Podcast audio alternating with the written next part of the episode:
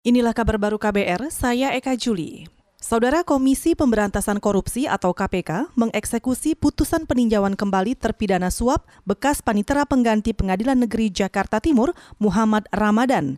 Juru bicara KPK Ali Fikri mengatakan Ramadan akan menjalani pidana selama dua tahun di penjara Cipinang. Putusan dari peninjauan kembali ini eh, tetap menyatakan terpidana bersalah melakukan tindak pidana korupsi secara bersama-sama dan berlanjut dengan uh, dua hakim Pengadilan Negeri Jakarta Selatan karena menerima suap. Terhadap terpidana Muhammad Ramadan ini juga dibebankan untuk membayar denda sebesar 50 juta rupiah subsidiar tiga bulan kurungan.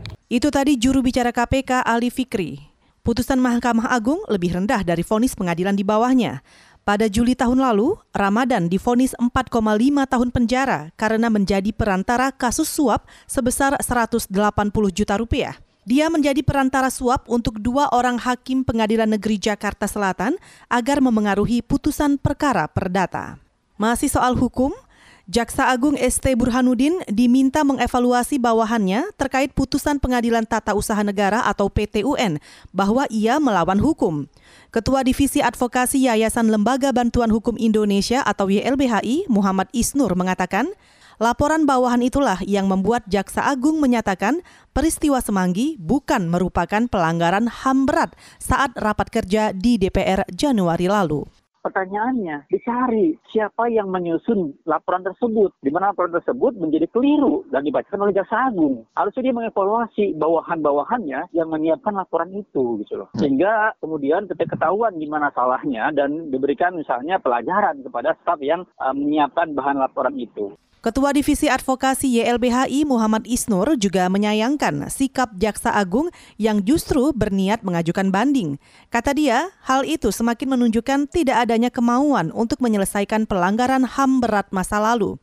Ia mendesak Kejaksaan Agung untuk kembali melanjutkan dan membuka penyidikan kasus pelanggaran HAM berat Semanggi.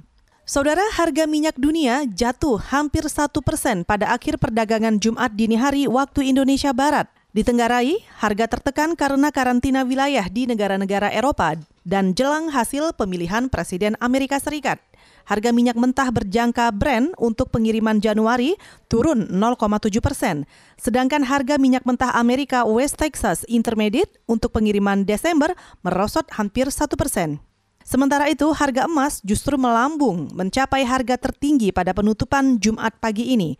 Kontrak emas paling aktif untuk pengiriman Desember di New York Exchange melesat lebih 50 dolar atau naik sekitar 2,7 persen.